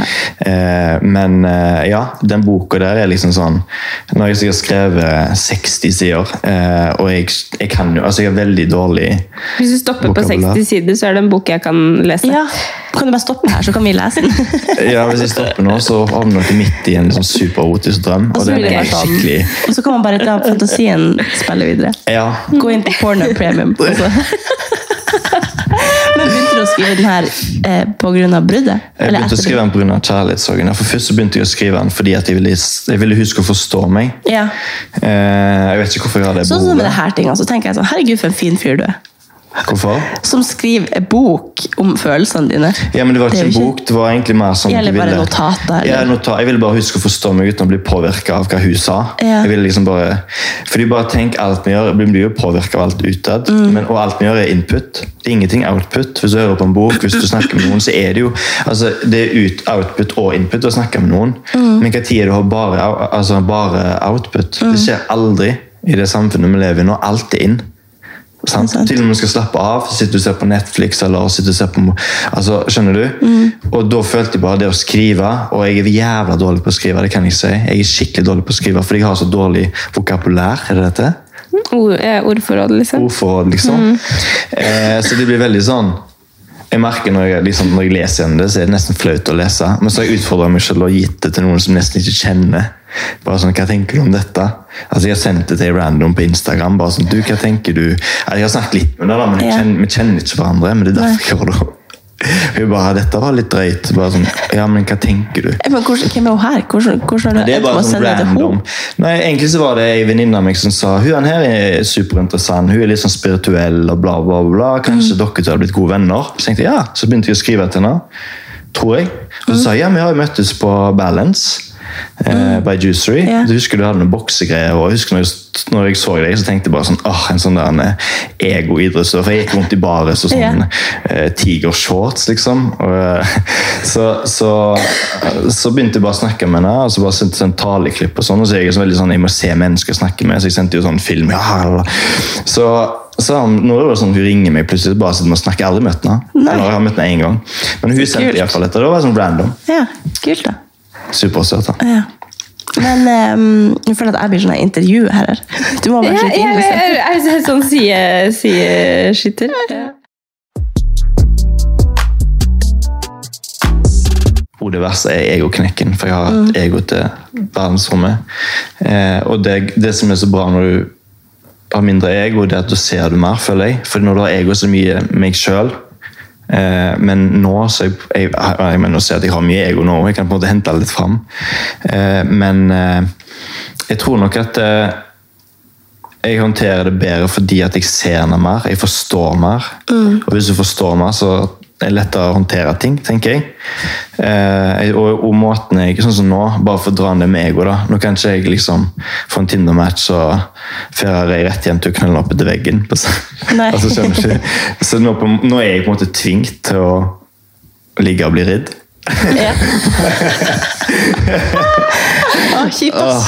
Jeg merker Når jeg sier sånne ting, så vet jeg at dere reagerer på det. like. Elsker er reaksjoner. ja. Jeg elsker det, alltid elsker det. Fortalte en gang jeg konfirmerte meg, så jeg gikk jeg ned på alle fire og krøp opp til presten bare for en reaksjon. Og fordi jeg tjente litt penger da. Men jeg elsker reaksjon. Du tjente penger på det. Ja. Det her er et jækla godt eksempel, for det, var det, det spurte jeg deg om i stad når vi, vi tok heisen her, og så kommer det inn en eh, som hadde vært ute og jogga eller noe, Mm. inn i heisen, og så, og så sier du du burde ta trappene, sier du til han. Ja, ja. For da sitter jo du der i rullestol. Ja. Ikke sant? Og da, da tenker jeg For jeg er jo egentlig en som analyserer folk litt. Og liksom, så skjønner jeg du, du elsker å få reaksjoner, da, eller å, å sette folk litt ut og teste dem, på en måte. Eller få folk til å tenke. Ja, Det elsker jeg. Ja. Hvert hvis jeg sier noe til deg og så sier at du tenker, det blir sånn mm, Ja. digg. Ja, ja. Ler nå det. Men, eh, men eh, Og det, det kan man også merke når man har en samtale med deg, at du kan fort si du kan, du kan si noe som, som folk ikke forventer, da, og så se Ja. hvordan de reagerer. Liksom. Ja, ja. Jeg synes bare når jeg var på Tjuvholmen for noen uker siden, så var det sånn der en pop-up-training. jeg driver. Jeg gidder ikke å gå inn på det. Men uansett så, så spurte han inn meg, og det var sikkert 50-60 stykker der, om jeg hadde lyst til å snakke litt om ulykken min på engelsk.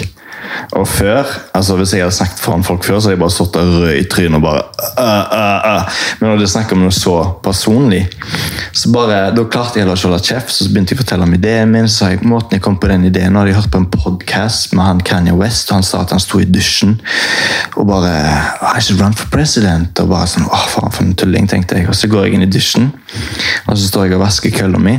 Store kølla mi, så har jeg bare skøytet inn, og folk bare øh, Ja, ja, ja, men det er akkurat og sånn det ja, ja.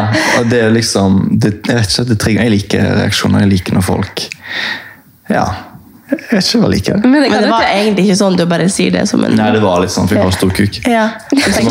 Store kuker med ha store ideer. Ja. Ja. Men, men det, det er sånn Jeg føler i hvert fall selv da, at hvis jeg skal ha en samtale med deg, så kan jeg, da må jeg være forberedt på at nå kan det komme et eller annet sjukt. Men er ikke det gøy? Jo, jo, men det er gøy. Men det kan jo også slå Ja, ja. en annen vei. på en måte. Jeg. Men jeg syns det er kjempegøy.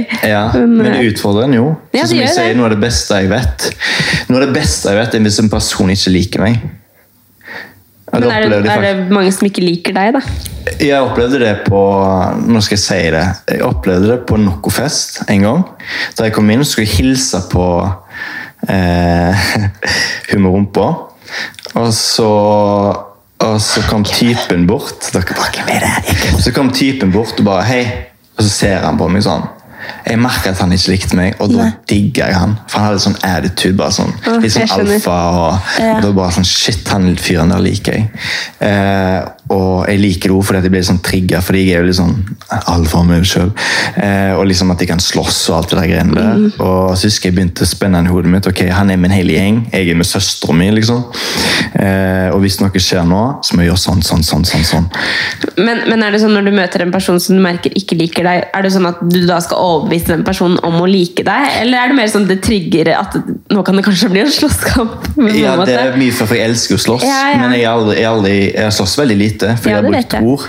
Hvordan vet du det? Fordi vi var på, eh, vi var på Stavernfestivalen en gang. Så var jeg med, der var jeg med deg og Cecilie Bolander. Ja. og så husker jeg at jeg sa at det, For det var så mye knuffing og sånn. eh, Folk som skulle fram og sånn. Så jeg, føler meg, jeg har aldri følt meg så trygg ja, når jeg har dere to rundt meg. Liksom. Og da, Ah. Jeg vet ikke om det var du eller Cecilie som sa det, men at dere aldri brukte det. Ja. I, eh, man bruker det aldri. Nei, jeg vet ikke det. Det er med psykologien. Og så er det Ja. det at det liksom Igjen det med da, Jeg har jo mista mye Jeg har fått en egoknekk. Mm. Men så er det noe der. altså Det er personligheten min. At jeg skal være best i alt. Så hvis jeg var best til å knulle ei dame før, så skal jeg være best i det nå. Det er veldig mye snakk om det. Ja, men det er fordi at det har vært en sånn stolthet for meg. knulle så mange. Knulle. Men det er fordi at det, det har vært en sånn stolthet for meg. At jeg skal være best i alt. sant? Så hvis jeg lå med ei før, så er det på en fin Jeg tror måte. episoden må hete Knølla. Så ville jeg at du skulle tenke han vil jeg møte igjen. Og nå Og nå er det sånn Nå kan jeg jo ikke gjøre det på samme måte. Så Nei. da må jeg gjøre alt det andre. Du må gå på alt det andre. skjønner du, Tunge, hender, leketøy. Og det er liksom Men nå skal jeg spørre om det så som alle så lurer på, som de sikkert skjønner nå, da. Men alt funker. Eh, nei. Nei! Nei, jeg har fått ikke kukken opp. Jeg bare kødda. Jeg ville bare ha en reaksjon. Så stygg du er! Ja, det var se ansiktet ditt.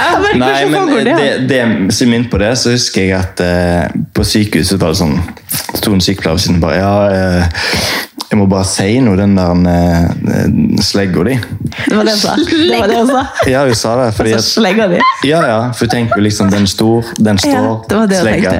Og da Altså, kom Da har da, under der. Har du en slange under der? Nei, men så tror sa, hun det er et dyr! penisen din har stått hele natt. Eh, og det kan være, en, liksom, det kan være et dårlig tegn. Og så er jeg bare sånn, sånn cocky som jeg er, at jeg bare sånn Det bare er sånn. det, det, var, ja, det, var, ja, det er et bra tegn for meg, liksom. Men så, men det er pga. nerveskader, bla, bla, bla. Og så husker jeg mamma sa sånn Ja, den kommer til å stå i grava, den der. uh, Og igjen bare for å skyte en, så har faren min åtte unger, så det er sikkert derfor jeg tenker liksom, Ja, ja. skjønner du, det er genene da. Men ja, den fungerer, men det er på en annen måte. Fordi jeg kan si at jeg kjenner ingenting fra brystet og ned. Eh, og dette sånn, jeg husker, når jeg tenkte, lå på Sunnaas, den stoltheten min, sant? den forsvinner ut vinduet hvis jeg forteller sånne ting, men egentlig så gjør han ikke det. For det som er så interessant og så jævlig fucka, det er at eh, den, nervesmerten, den nerveskaden jeg har fått, har gjort at eh, hvis jeg kommer, så kan jeg besvime, for det blir så mye.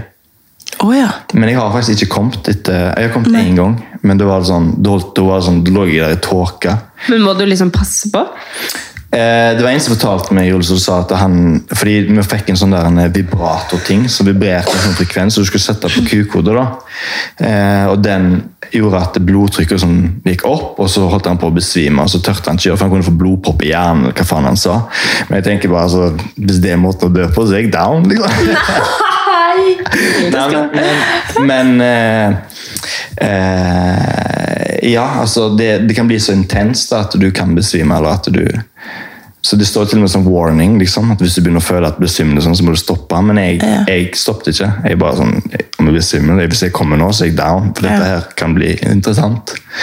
Eh, Så du kan, hvis du da Jeg kan komme, og følelsene er på en annen måte. Ja. Eh, og det som er så super fordelen med meg, det er at jeg er visuell. Ja, ja. Så når jeg har sex, så setter jeg veldig pris på det jeg ser, Ja, ja. og det jeg kjenner. ja. Altså, Så du trenger ikke hjelpemidler? Hæ? Nei, jeg trenger ikke hjelp heller, men det er digg å bare ta en liten Viagra. så ja. Jeg spør. Ja, bare spør, jeg skyter. Så, så eh, må, altså Følelsen er sånn Dette er så rart, men følelsen er inni hodet mitt. Mm. Og du vet Når du slår av én sans, så blir andre forsterka. Ja. Og det har jeg forstått at jeg jeg har meditert og gjort så mye rart etter Mm. ulykken min fordi at jeg må ha stimuli. berg-og-dal-bane. Um, for strøm, så vi vet helt hvor vi står på. Men vi hopper inn her og satser på at vi kommer inn på rett. Men hva det var du snakka om? Du snakka om Følelsene. Nei, ja, at de er på en annen plass. På, nei, på en annen måte. Ja, og det at jeg som jeg sa, alltid blitt mye mer følsomt Mm. over skadestedet. Kroppen skal Ja, du sa nippelen. Nippelen, altså du tar den på nippelen og uh, Ja. bare T-skjortel borti. Sånn av og til så shit, da, faen. Så ganske sjukt. Jeg er veldig glad for det. men men eh, eh, jo, når jeg har sex, så føler jeg det inni hjernen. Altså Jeg føler en slags orgasme kan komme. Mm. Og så er det rart å si, men rundt eh, nederst på magen, så det er akkurat som noe bygger seg opp. Ja, så Det er du sånn kan kitt, føle det er sånn litt. kitlefølelse. Ja. Eh, Kilefølelse. Ja. Som er superdeilig. Kitla. Kitla. litt. Så, så det er jeg veldig glad for. Og jeg husker han, eh, han Jeg kalte han sexguden på Sunnaas. Sa til meg, han var så han, en gammel mann som bare kunne snakke åpent om liksom, fingerræv og alt. Han var helt rå.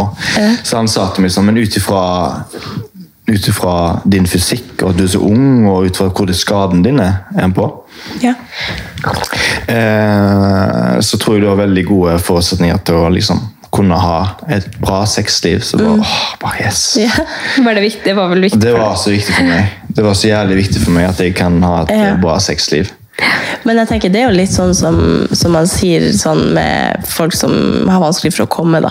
Så sier man at man skal jobbe med hodet, for at veldig mye sitter i hodet. At Mhm. egentlig så er det mye knytta til mentaliteten, om du klarer å liksom nyte det og alt det her. Ja, ja. At det ofte er mye mer enn Nå snakker jeg som at jeg vet dette, men Ja, fordi, ja, men det stemmer. at det, ja, at Det- eh, det er veldig knyttet til følelser og hva man tenker om det som foregår. At du kan egentlig tenke deg til å komme. Hvis Ja, du, ikke at målet ditt er å komme, for da besvimer du, men, Jo, det men at nytelsen er mye i hodet. da. Ja, Så det er jo bra. Det er en fordel. Det er en fordel, ja. Og da er det igjen at jeg syns det er bra at jeg er veldig visuell, for det føler jeg har hjulpet meg veldig. Ja.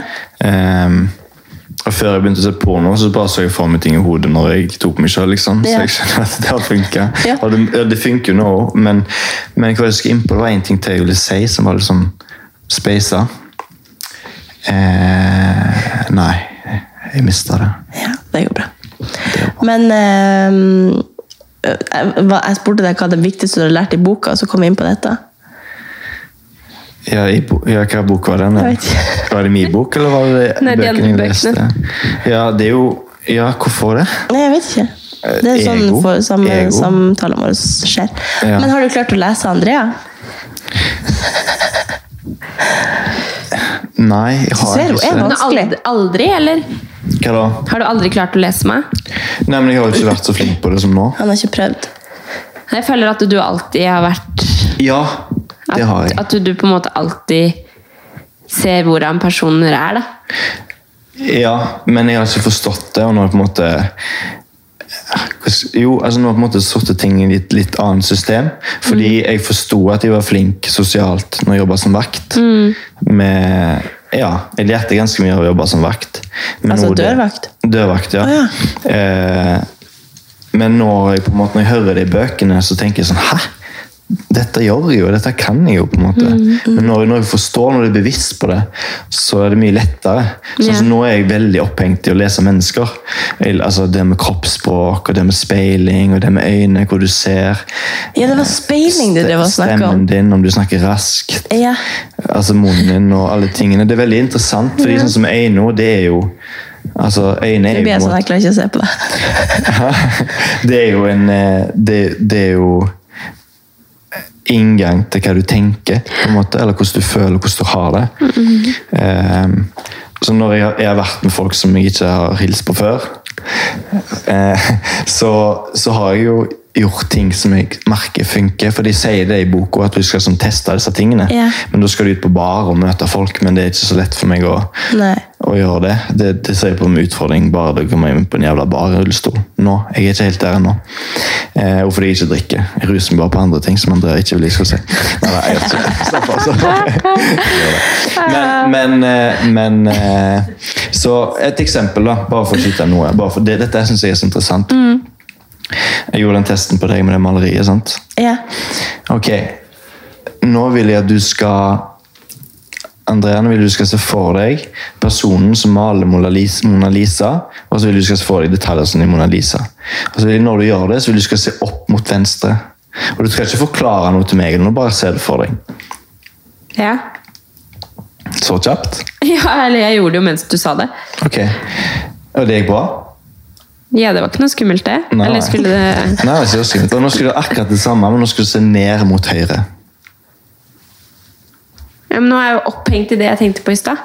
Ok, men Bare hvisk vekk alt. Så skal jeg tenke på det igjen. Ja. Ja, Hvordan var det? Det var, jeg vet ikke. Nei, jeg tror jeg bare Jeg tenker på det samme. Ja, ok. Hun er jævlig rar. Andrea er jævlig rar. Altså, denne testen er gjort nå på kanskje 15 stykker, og det er sånn hun eneste. Men eh, ok, det som er da, det er at når du ser opp mot venstre, så trigger du noe i hjernen din som er det visuelle. Ja. Men så ned mot høyre, så er det minner. Og du har ingen minner av Mona Lisa. Så da Nei. lager du, henter du på en måte Så ikke fram annet minner. enn at Da. liksom man ser det flere steder av at Med sånn forskjellige munner og sånt på Mona Lisa. Det er litt minner jeg har med Mona Lisa. Ja. Men, men vet du hvorfor? Vet du hvorfor? Fordi at det, mens du sa det til meg nå, så, tenker, så, så har jeg et svar, ikke sant? Ja. Så jeg er ganske sånn kjapp på å visualisere. Ja, du er det. Ja, kjempekjapp. Så, så hvis jeg da allerede har visualisert noe, så kan ikke jeg endre på det. Nei. Du kan ikke det? Nei. Ikke av å se opp til venstre og så ned til høyre. Når liksom, Du har det allerede i hodet. Ja, har For det det som er. Poenget med den øvelsen er at da kan du på en måte kjenne forskjell på hvordan du visualiserer ned mot høyre enn opp mot venstre. Mm. For da trigger du andre steder i hjernen. da. Men da er du bare helt rå. Men da tror jeg du er, ut fra det du sier, da altså Nå har jeg ikke sett øynene hennes når du snakker. fordi når du er med en person og de snakker, så kan du se ofte hvor de ser når de Mm. tenker. Og det vil på en måte beskrive litt hvordan personen er. da. Mm. Så hvis jeg da, for eksempel meg og deg sitter i et businessmøte, og jeg vil eh, nailer den jævla avtalen, Mm. da kan jeg tilpasse måten jeg snakker på ut ifra hvordan du er som person. Så hvis du er en følelsesmessig person og så mye opp mot høyre når, liksom, når du tenker, så kan jeg på en måte De tingene jeg sier, er basert på følelser. Skjønte du det? Ja, skjønner. At jeg, eller at jeg, hvis jeg ser at du er visuell, så kan jeg beskrive ting visuelt. da, Og da vil du føle en sånn en, eh, trygghet, eller du vil på en måte bli mer kjent med meg, og du vil like meg bedre. Mm. For da snakker jeg ditt språk. Og da har du en utfordring hvis du snakker med mange, så derfor bør du må implementere alle de forskjellige tingene når du snakker foran flere folk. Er det Men er tingene- dette universelt for alle? At hvis man er følelsesstyrt, så ser man opp til høyre mye? Eller? Altså, alt er, altså Det som er med oss mennesker, vi tror at det vi sier, er på en måte det som du øh, Mener? Ja, eller sånn du på en måte kommuniserer, men egentlig så er mesteparten av måten å kommunisere på er kroppsspråk. Så, bare, altså, så ja, det gjelder egentlig alle, men så er det jo mange ting som f.eks. ut ifra eh, tradisjon, miljø eh, eller issues, ting du har opplevd osv. Et eksempel er hvis en fyr Et eksempel er hvis det er jenta Jeg sitter ved siden av ei jente, og hun liksom skrev litt med beina. Da er hun liksom mottagelig, da er ikke hun da er hun litt komfortabel. Hvis du krysser beina, så kan det være at du på en måte ikke er så mottagelig, eller at du krysser armene. Men kan, du skal ikke tolke alt ut fra det. 'Å, fy faen, nå vil du ha meg'. Altså, altså, det blir jo feil. Sånn, ja, Men ja. Bare sånn at Andreas sitter imot meg når vi snakker, men vi kjenner jo hverandre, så jeg skjønner jo at det på en måte ikke Det betyr jo at hun er komfortabel med meg. Ja. Skjønner du? Ja. Hadde du sittet litt andre veien eller sittet beina kryss eller mot i utgangen, så hadde det kanskje ikke vært så komfortabel. Og hvis du kan sånne ting, så har jeg opplevd at det, da kan du på et eksempel. Du, kan, du kan manipulere folk. Jeg kan manipulere. Et eksempel. Ja, det er interessant, da. Ja, jeg hadde på besøk, og vi satt og snakket om alt mulig rare greier. Og så sitter hun krysset beina, og hun trakk seg lenger vekk i sofaen når vi snakket. Og da skjønte jeg hun trengte space. Så det gjorde, jeg at den ene puta mellom oss når vi snakket. Og da merka jeg hun ble mer komfortabel, så snudde hun mer mot meg. Og da når hun gjorde det, så speila jeg hun måten hun satt på, og til slutt så liksom, satt hun liksom i lotusstilling rett overfor meg. Og når du rett, sitter rett foran noen og ser rett på dem, og liksom ja, hele overkroppen mot noen, så er du veldig sårbar. Og når du da viser en sårbarhet, så er liksom, du komfortabel. da. Det er et tegn på at du er komfortabel, og da kan du ja, føre samtalen videre ut ifra det. På en måte. Og next thing you også så knøller det jo. Nei, det det. I wish. Det er sånn ta en burpee hver gang du hører 'knølla' i den der poden. Ja, det er drikkelig. Så ja. Nei, men det er veldig interessant. da. Mm. Så det er det jeg bruker tida mi på nå. Istedenfor å lære hvordan slå en jab og sparke, så vil jeg lære lese mennesker. For jeg har jo vært i en del møter og sånt, og etter jeg begynte med det, altså det prosjektet jeg driver med, og de merker bare der fungerer det jo. Altså bare tonefall og alt det greiene der. Og altså, Å nei, bare å nei. nå må vi avslutte. Kevin kommer. Kevin! Men vi har jo en veldig god prat her. Ja. Men uh, ja, vi kunne, kunne prata med deg i evigheter. Ja. Jeg tror vi må bare Kevin kommer nå må vi slutte å snakke om alt mulig rare greier. Nei, bare at han blir bra. Ja da, det går bra. Men Men går bra. eh, vi sier, du får bare komme på besøk igjen, da. Ja. Mm. Og da kan vi prate mer om Shit. Ja. Vi har veldig masse spennende å prate om. Har det. Det er ting som André ikke vil snakke om. òg. Ja. Alt det du ikke vil Her snakke blir om jeg nå. en sånn synder. Alt det André ikke vil snakke om nå, alt det du ikke vil snakke om nå, kan vi snakke om snart. Da. Ja. Ja. Ok. Det var bra. Takk for at du kom på besøk. Joho, takk for at du kom. Og så kan vi jo si at man må følge med på Instagram og på pop-up training og på Gekko Herjer på Instagram. og ja. Ja. Er det ikke det det heter? Jo, Ja. Jeg tenkte å si feil. jeg måtte bare se det selv, for jeg liker. Ja. Her, han herjer. Nei, men takk for at du kom. Takk veldig, veldig meg. hyggelig. Så snakkes vi. Snakkes. Ha det. Ha det. Ring mamma. Hei, mamma.